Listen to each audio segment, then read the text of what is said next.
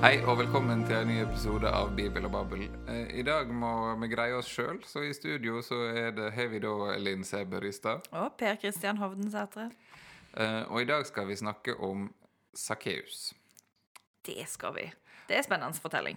Det er spennende fortelling, men ikke spennende nok til at en ble med i lista over kjernetekster i trosopplæringa.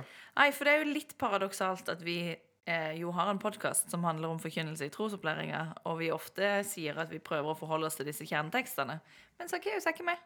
Sakkeus er ikke med. Eh, han deler skjebne med en del andre fortellinger om hvordan Jesus møter mennesker. Altså, altså det er jo bare er det 50 tekster på den lista. Ja, ja. Så, så det er klart at ganske mange tekster som er mye brukt, de faller ut. Men det er klart at her på MF så ble det jo gjennomført et, en undersøkelse av eh, 50 forskjellige lokale trusopplæringsplaner.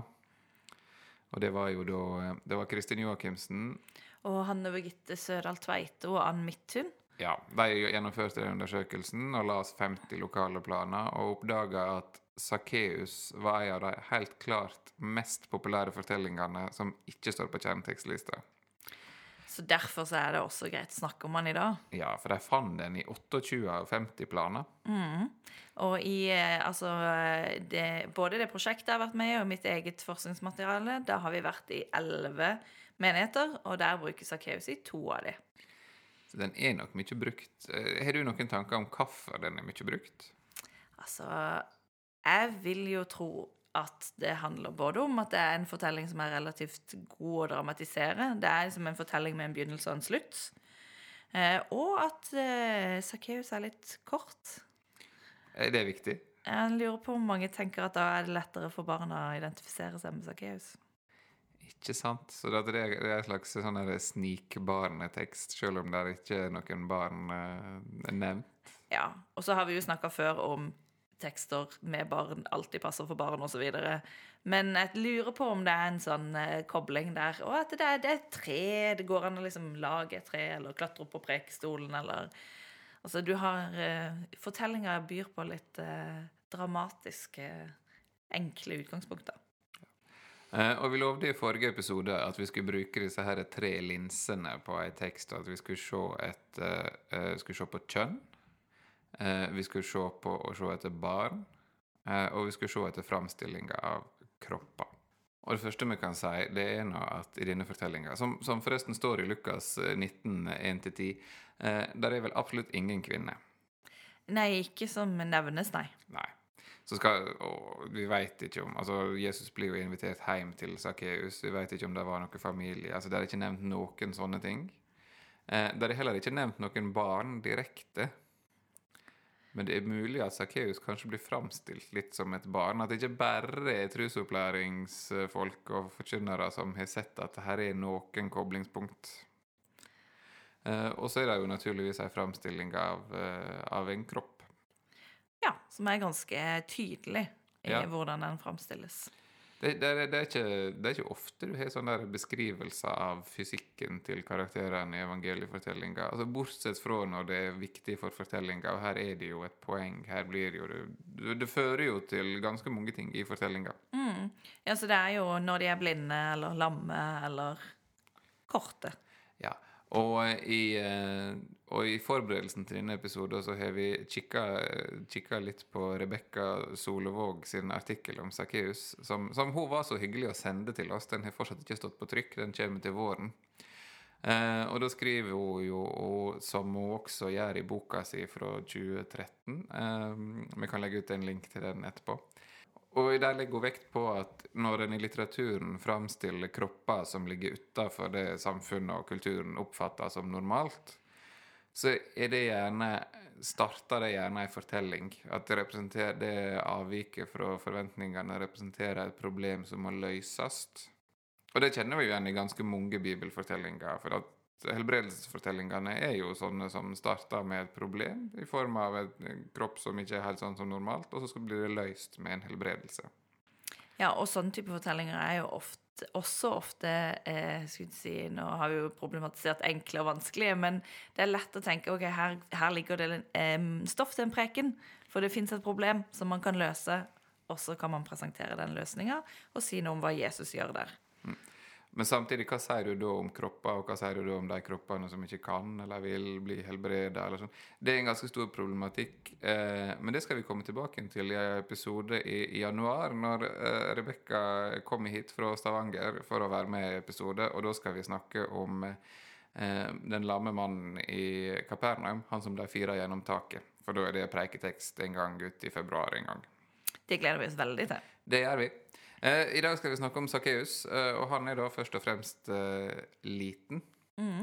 Eh, og her er ikke noen helbredelse, men i denne fortellinga ser vi en annen måte å håndtere disse problemene på. At han fjerner altså Han blir ikke endra fysisk, men hans sosiale status blir forandra. Han blir inkludert i fellesskapet likevel. Og det er jo en annen måte disse fortellingene gjenoppretter en slags normal. Uh, ja, og det kan jo være at det, eh, altså det at det ikke er en fysisk helbredelse, er noe av det som gjør fortellinga populær også. Fordi sånne fysiske helbredelser syns jo mange av oss som lever i 2019, kan være litt vanskelig å snakke om. Mens her så er det jo en slags eh, åndelig helbredelse, eller Sakkeus innser noe som han ikke har innsett, og han forstår noe nytt. Eh, som kan være lettere å identifisere seg med. Det kan være Eh, derfor også enklere å tenke at ok, denne her kan jeg preke om til barn. Mm. Men hvis vi da dykker ned i tekster eh, for å se litt nærmere på hvordan Sakkeus blir framstilt her eh, Så står det jo først i fortellinga at Jesus kom til Jeriko og drog gjennom byen. Det er jo et poeng at dette er på slutten av Jesu virke. Han er på vei til Jerusalem. Jeriko er på en måte siste stasjon før en reiser opp til Jerusalem. Da kommer alle påske... Nei, altså salmene før påske bare dettende inn. Nemlig. Det, det, ser vi går opp til Jerusalem. Det, det, den, den begynner her. Dette er første vers. Eh, og så står det at der, der, var det en mann som heter Sakkeus. Eh, han var overtoller og svært rik. Eh, og overtoller eh, altså Mange tenker jo at ja, men tollerne er jo suspekte folk, og folk likte ikke dem, og de jobber for uh, romerne og er sånn sett, uh, så, sånn sett moralsk tvilsomme i det samfunnet. Eh, og det er jo riktig. Samtidig som vi lykkes, så er jo tollere ganske positivt fremstilt. Ja, i kapittelet før i Blant annet i kapittelet like før så finner vi lignelsen om eh, fariseeren og tolleren.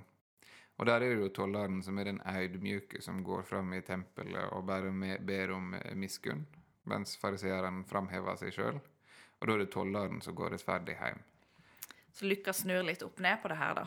Ja, altså på en måte Før vi kommer til denne fortellinga, så har Lukas allerede etablert at tollere er ofte ganske OK folk. De er utestengt. Eh, men Jesus liker å henge med dem, for å si det litt enkelt. Eh, så, så, det er ikke så negativt. Eh, det er verre kanskje i en sånn Lukas-verden at denne mannen er veldig rik. For Lukas er jo mer enn de andre evangeliene eh, veldig skeptisk til rikdom. Det også er jo en fortelling i kapitlet før om Jesus og den rike mannen. Ikke sant? Og han som, han, den rike mannen som får beskjed om å selge alt han eier, og får høre at det er enklere for en kamel å gå gjennom et nåløye enn for en rik mann å komme inn i himmelriket. Alle disse tingene her ligger i kapitlet like før Sakkeus-fortellinga.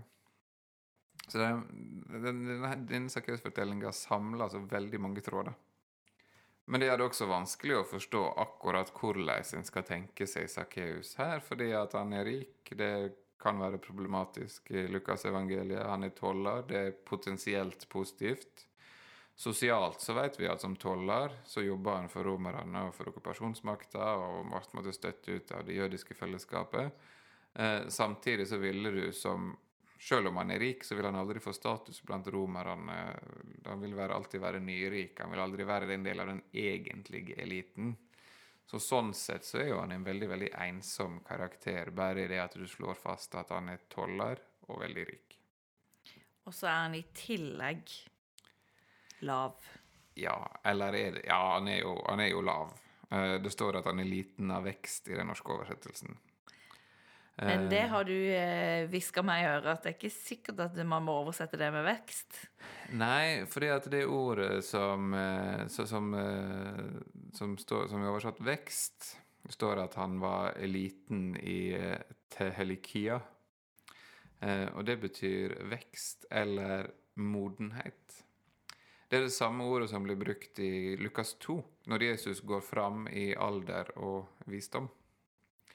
Eh, så det er en sånn Altså, han er liten, men han er også umoden, på en måte. Og dermed et barn. Dermed et barn, kanskje. Kanskje det er det han er, barnlig, barnslig.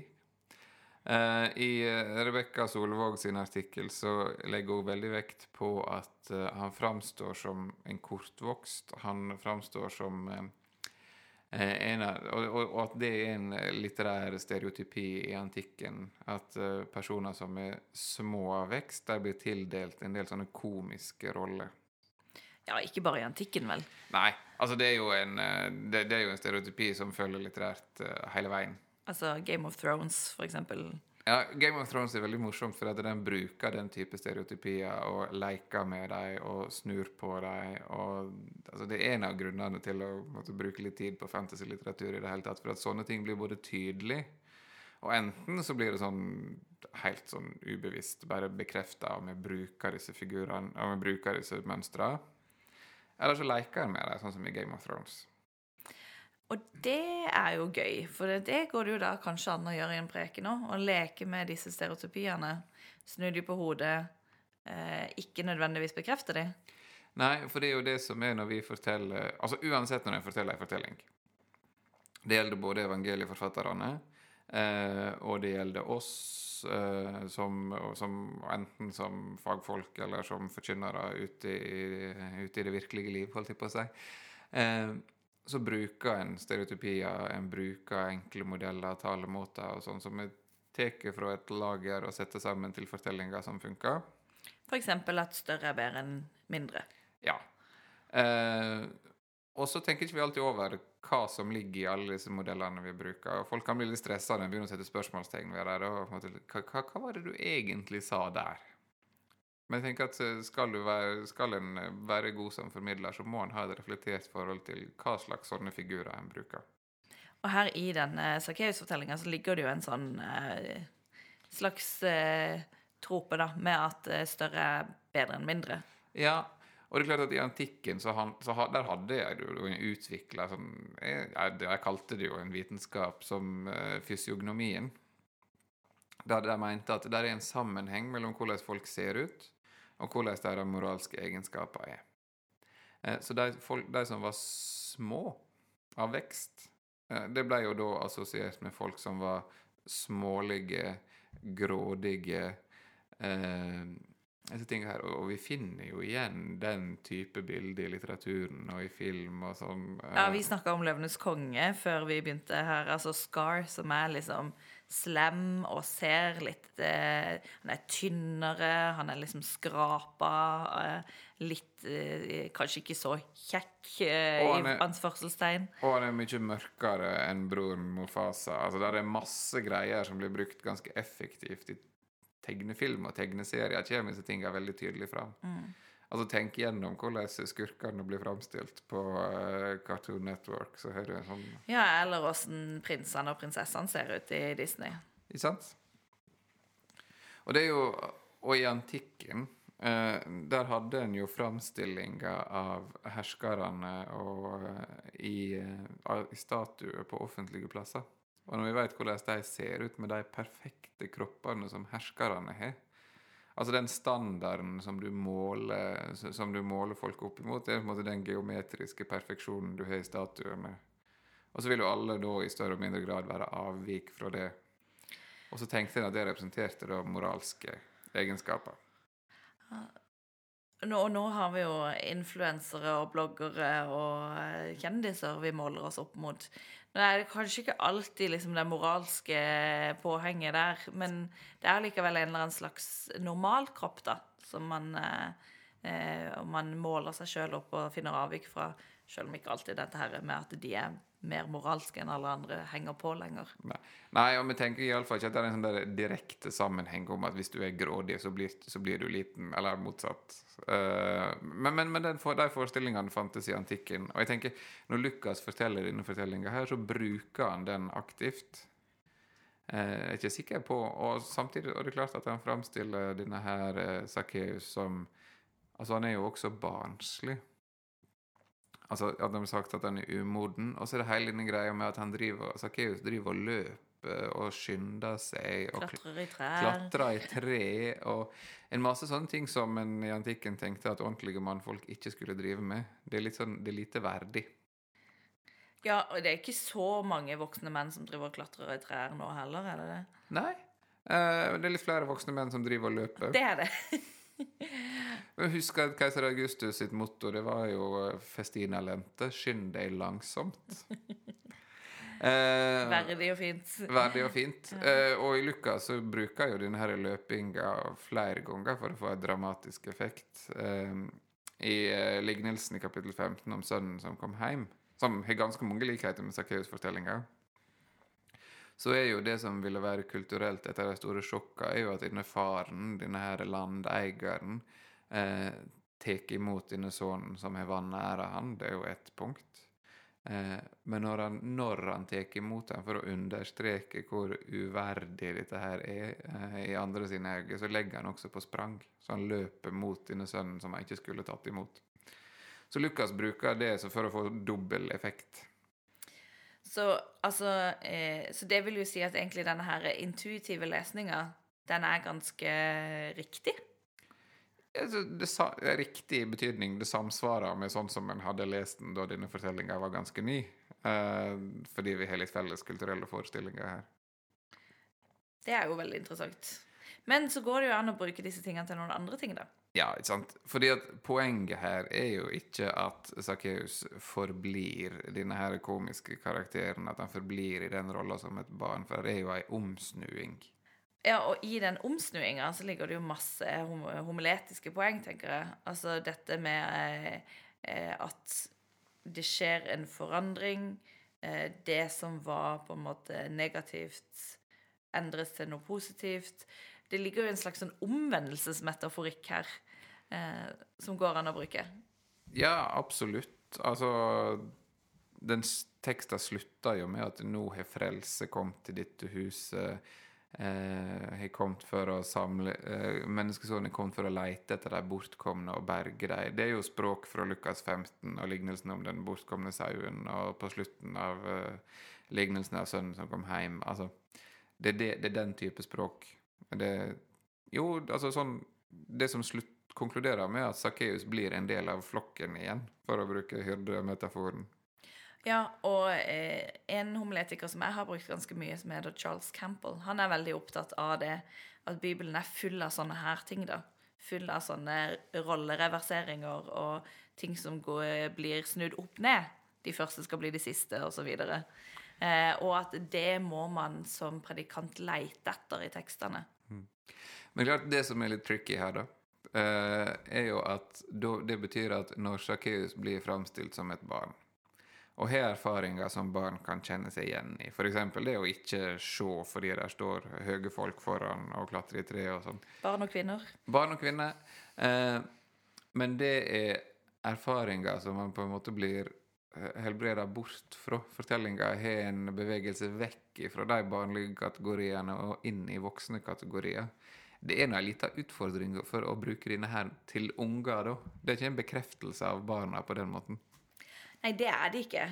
Eh, og eh, i motsetning til en voksen mann som er lav av vekst, så blir jo de aller, aller fleste barna i hvert fall høyere. Og kanskje ikke trenger å klatre opp i det treet lenger for å få sett. Så det er noen ting der som er utfordrende.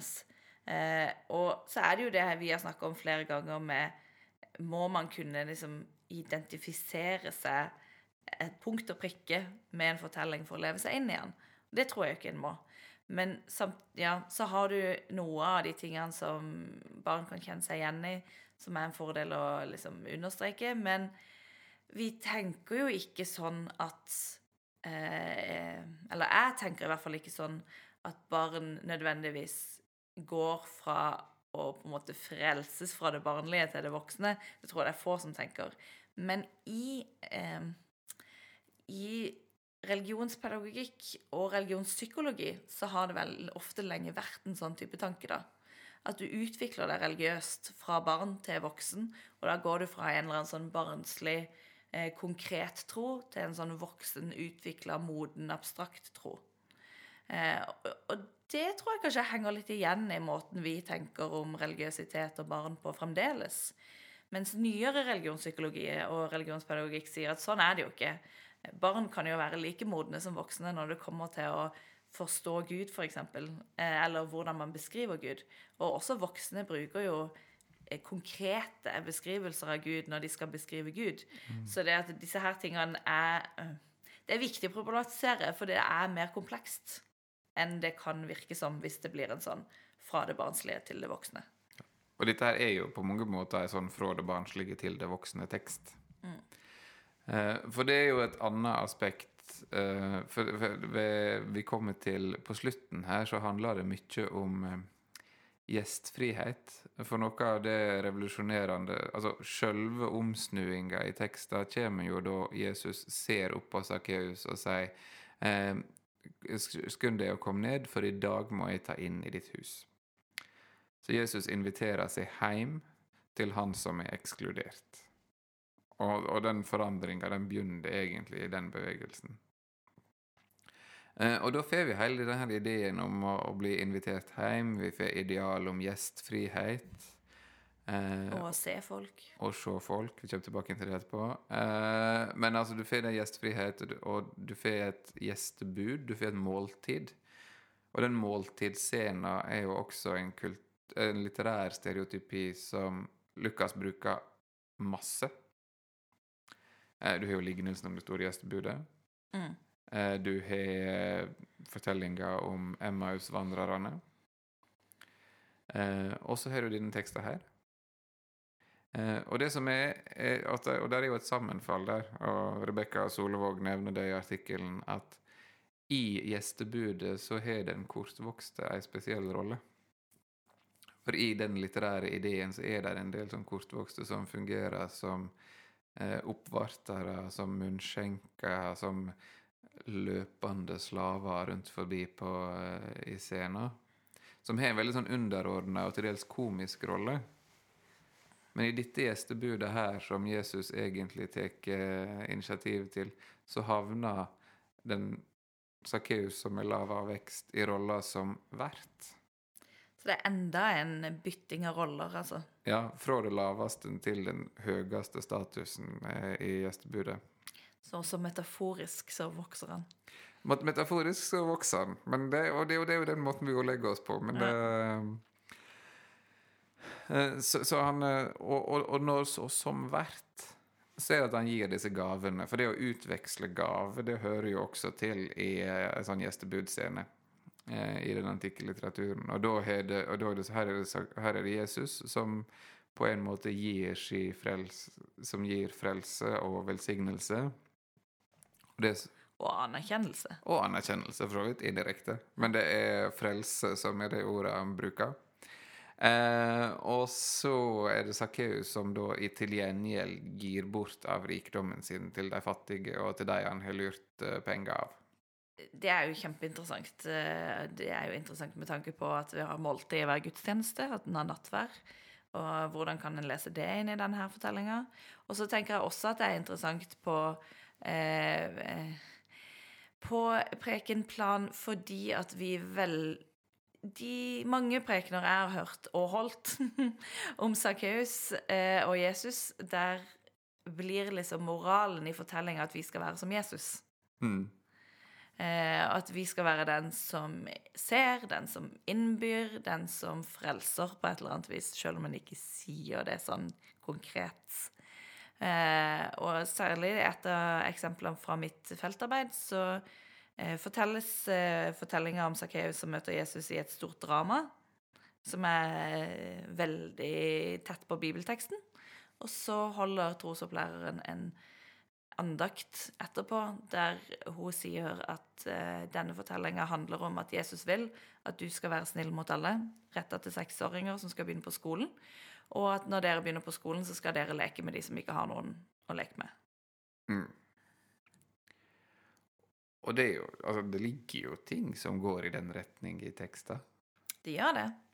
Eh, også i hvor stor grad men, jeg tenker, men jeg tenker mer at du mister litt denne fellesskapsdimensjonen ved måltidsbildet i evangeliet. Ja, det blir veldig individuelt.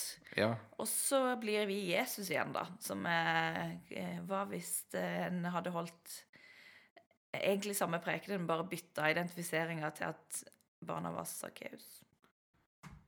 Ja, for det er litt sånn hvis, hvis forkynnelsen til barn så ofte blir etisk For den gir jo et Moralsk, ikke etisk. Jeg tenker at han blir moralsk og ikke etisk. Jeg har lyst til å forklare forskjellen. Altså, det, nei, altså det jeg tenker at det blir sjeldent en slags eh, åpen diskusjon om etiske problemer. Eh, det blir en sånn pekefinger. Eh, du skal Jesus vil faktisk at du skal være snill med alle. Hvis jeg hadde hørt det som seksåring, jeg hadde vært kjempestressa. Jeg hadde jo vært veldig opptatt av å gjøre sånn som Jesus ville. Eh, så du legger på en måte på en sånn eh, Dette er ikke en etikk som vi oppfordrer folk til å slutte seg til. Det er en moral. Sånn her skal du gjøre det. Eh, ja, og det er klart Det å på en måte sette seg sjøl eller sette noen andre i Jesus stad, det det det er noen utfordringer. eh, Så har vi jo allerede snakket om at det er noen utfordringer med å sette barna i Sakkeus sitt sted òg. Så det at man kan jo problematisere det så mye en vil, men i en preken så må en jo gjøre noen valg, da. Jeg må si et eller annet og vite hva en driver med. Men det kan vi tenke videre på. Altså, for vi snakka jo innledningsvis om at her er en del ting i tekster som en gjør den enkel å dramatisere. Uh, og som for så vidt kan fungere som strukturer i uh, som, Som kan fungere som strukturer hvis en skal holde ei andakt eller bare si noe også. Eh, vi har jo sett på det, Ja, det, det her med størrelsen Jeg så eh, i Ressursbanken der er jo denne her barnesangen om Sakkeus var en liten mann. Eh, og der sto det i måte, veiledningen at når du skal, ha, du skal demonstrere håndbevegelser til den, så skal du holde, når du kommer til liten mann, så skal du holde fram hendene og holde dem i lufta. Omtrent i barnehøyde, står det. Så der, var- der er Sakkeus definitivt blitt et barn. ja, ikke sant? Ja. Eh, og der har du jo et startpunkt på det med størrelse og gjenkjennelsen der. Um, en annen ting er, er jo syn.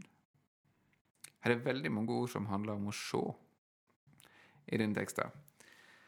Eh, og det er jo også sånn i, i, i kapittel 18, det siste fortellinga før vi kommer til denne, er jo eh, lignelsen om eh, den blinde ved, eh, ved- Jeriko som blir helbreda, som får synet tilbake.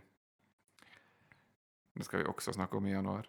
Eh, men eh, når da kommer til denne fortellinga, så er det Sakkeus som gjerne vil se hvem Jesus var. Han klatrer opp i treet for å kunne få se Jesus. Men når Jesus kommer, så er ikke det Sakkeus som- ser Jesus, det er motsatt. Det er Jesus som ser Sakkeus. Så det er vel kanskje første hintet om at, uh, om at uh, her skjer ei omsnuing. Og det er faktisk og det er faktisk så, Det har folk sett før også. Altså, Jesus så opp, står det i den norske teksten. Løfta blikket uh, er den vanlige oversettelsen av det ord som står på gresk. Men i noen greske tekster, men ikke i alle, så har noen lagt til og Jesus løfta blikket og så på Sakkeus og sa til ham. Så de har gjort det enda tydeligere, dette her med at Sakkeus blir sett. Så en kan kanskje si at det er på en måte vendepunktet i fortellinga, da. Ja. Hvis en skal lese fortellinga narrativt. Ja, ja, altså alt skjer i vers fem her. Ja. Uh, og så har du disse andre som ser på og murrer. Det ligner jo igjen litt på lignelsen om sønnen som kom hjem, og den eldre broren. Altså Her er ganske mange likhetstrekk. Eh, men de står jo og ser på. De har jo på en måte blikket utafra. Eh, og så er det da Sakkeus, og og det ser vi bare på gresk. Eh, når Sakkeus eh, står og sier hva han vil gjøre, hva gave han vil gi, så starter han med å si Sjå, Herre, halvparten eh, av alt det jeg vil gi til de fattige. Så syn er en veldig viktig bit av dette her, og binder det egentlig sammen. Så det kan en bruke på Ja, da kan en jo snakke om hvem som ser hvem, og hvem ser vi, hvem ser vi ikke. Se og bli sett, var ikke det Ja, som Jo, det refleksreklame en var en refleksreklame. Det, det er jo et eh, godt eh, slagord for. Jeg tror jeg Jeg tror det var denne teksten jeg holdt eh, preike over en gang jeg dro en refleksvest over albaen, og da fikk jeg virkelig høre det fra kantor. Det gikk ikke an. Tror, jeg Kanskje tror, barna syns det var gøy. kanskje barna synes det var gøy. Jeg tror iallfall ganske mange husker det. Så har vi jo snakka om det en annen gang. Ja. Og så har vi naturligvis denne her måltidsbildet. og det å invitere folk hjem. Mm. vet ikke, det må være, det må jo være noen sånne aktuelle paralleller. eh. Ja, altså Nå har vi jo snakka om at den brukes mye i trosopplæringa, selv om den egentlig ikke står i kjerneplanen. Og som prekentekst er den jo i midten av juli. Men kanskje han kunne ha funka rundt høsttakkefest, liksom? Ja, kanskje det. Uh, og så tenkte jeg også at det er jo en del sånn altså Vi snakka om barna og ekskludering og inkludering og sånn til første skoledag og sånn. Du legger ganske mye ansvar på barna, men samtidig så er jo noe om at uh, her Ja, Men du trenger jo ikke fortelle han sånn. Du, det, altså, det trenger i hvert fall ikke bli den samme eh, moralske på en måte Jesus vil at du skal være snill med alle. Det går jo an å ha, det, ha en åpnere tilnærming til det. Ja, og at du kan gjøre den mer kollektiv og mindre individualistisk. At vi skal ha et kollektiv der vi skal ha et fellesskap der alle er velkommen. Og kirka er et fellesskap der alle er velkommen, f.eks. Så kan jeg snakke, no så kan jeg snakke noe om det. Og da tenker jeg at da er jo egentlig sånne barnebursdager, og hvem går du i bursdagen til, og den diskusjonen om hvor sårt det er når folk ikke kommer når de inviterer, og sånn. Den type sosiale mekanismer, det minner jo litt om det som foregår og ligger i bakgrunnen for Sakkeus-fortellinga. Ja, for det går jo an å leve seg inn i at det er ikke sikkert Sakkeus har hatt så mange på besøk i det siste. Nei. Og hva skjedde da Sakkeus ville invitere til bursdag? Ja. Det er lov å leke med fortellingene sånn der, altså. Ja. Men her er iallfall Det hele det her greiene som går på Sakkeus sin størrelse. Og så har vi blikket og alle som ser på hverandre. Og så har vi gjestebudet som tre sånne forskjellige eh, områder i denne teksten som en kan jobbe videre med. Og så har en også da eh, budet fra Charles Campbell om at predikanter må leite etter sånne fortellinger som snur opp ned på verden. Og her blir ting snudd opp ned. Og man bare sørger for å snu på ting ordentlig når en skal forkynne over denne teksten. Og med det så takker vi for i dag. Vi ses. Eh, Vi ses jo faktisk ikke. Vi høres. Ja, og vi skal ha allerede en plan om å lage en ny episode om ikke så lenge. Da skal vi snakke om hvordan vi kan jobbe med rekruttering til kirkelig tjeneste i trosopplæringa, og gjennom det vi forkynner og underviser om. Det gleder vi oss til. Det gleder vi oss til. Da kommer Fredrik Saksegård i studio. Ha det bra. Ha det godt!